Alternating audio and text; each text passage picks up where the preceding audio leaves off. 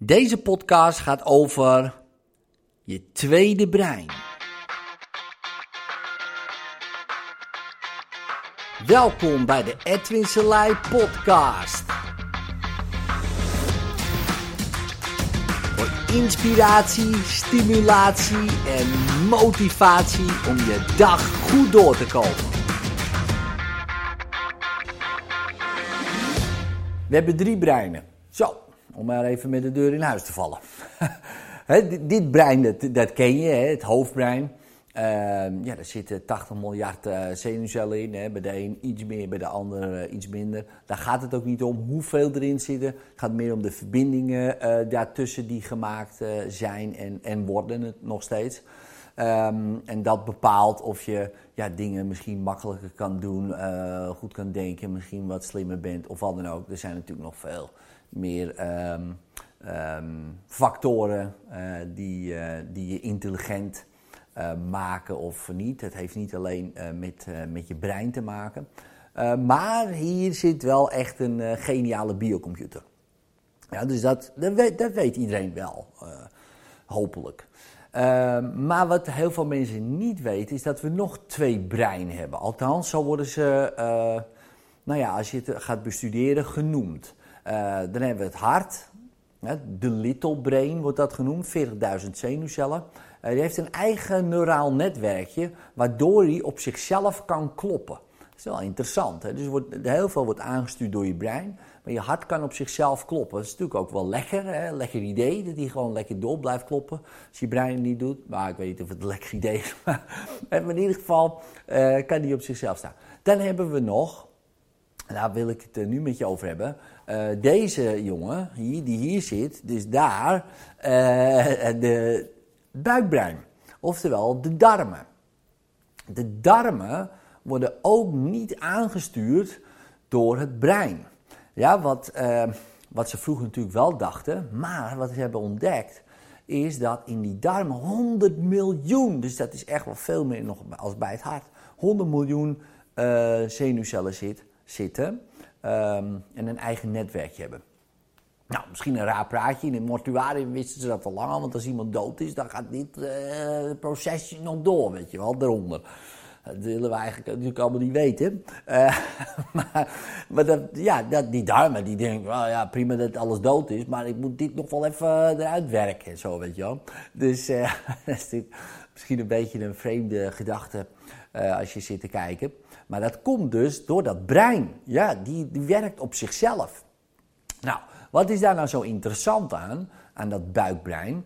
Want uh, ze zijn eigenlijk nu steeds meer aan het ontdekken. Zo van, ja, we hebben neurologie, ja, dus de, de wetenschap van het brein, dus het brein bestuderen. Maar nu gaan we ook naar de neurogastroenterologie. Dus oftewel het bestuderen van de brein in de darmen.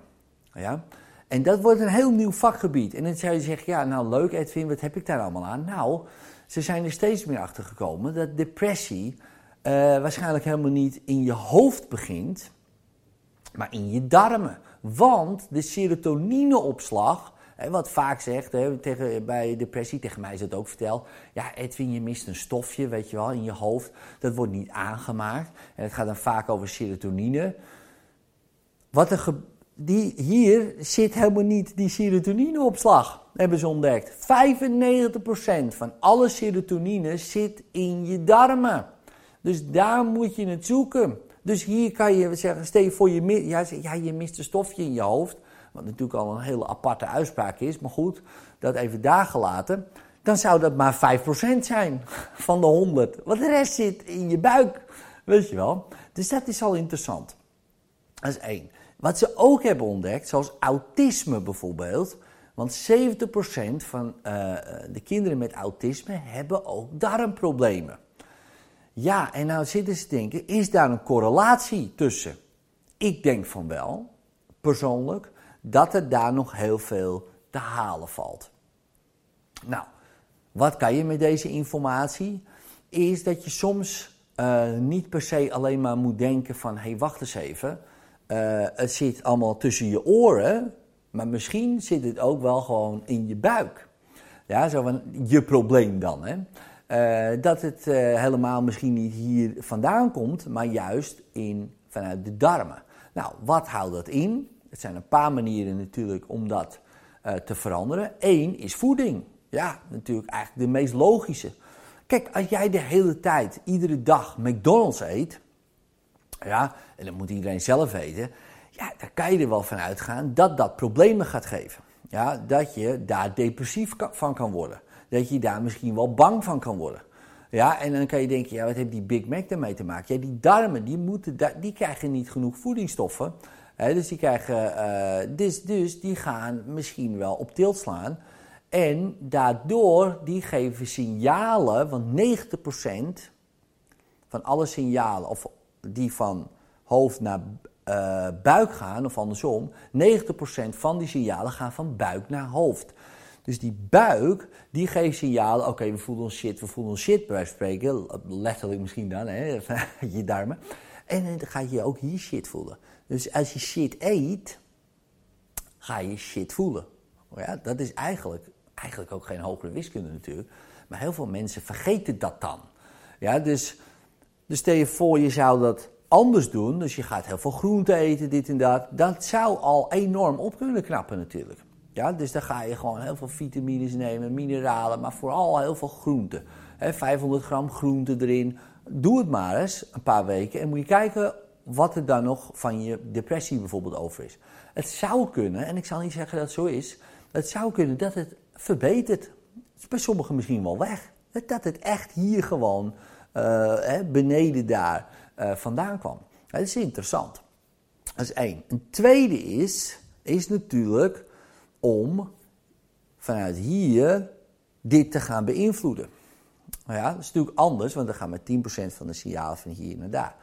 Maar hoe beïnvloed je dat? Door visualisaties, door hypnose. Want in hypnose kan je, als het ware, praten, uh, de darmen beïnvloeden. Sterker nog, in hypnose kan je alles beïnvloeden in het lichaam, dus ook die darmen. Ja, dus die kan je dan goede suggesties geven. Die kan je dan allerlei uh, dingen uh, laten visualiseren waar ze direct op reageren. het is net een brein. En voor je brein maakt het niet uit of het fantasie is of werkelijkheid. Ja, vergis je daar niet in. Hè? Dus voor je brein maakt het niet uit of het fantasie is of werkelijkheid. Maar niet, dat geldt voor dit brein, maar ook voor dat brein. Ja, voor het buikbrein. Dus als je daar een visualisatie bij maakt en je verandert die visualisatie naar iets wat bijvoorbeeld rust geeft of wat dan ook, dan kan je zelfs, en dat is ook de therapie bijvoorbeeld tegen spastische darm, dan kan je zelfs allerlei darmproblemen oplossen. Maar dat niet alleen, niet alleen darmproblemen zelf, maar ook kan je daarmee je mentale problemen, misschien zelfs wel je fysieke problemen aanpakken. Dus het buikbrein is echt wel een hele, hele interessante brein om eens mee te gaan connecten. En die hypnose is verreweg wel de makkelijkste manier. Succes!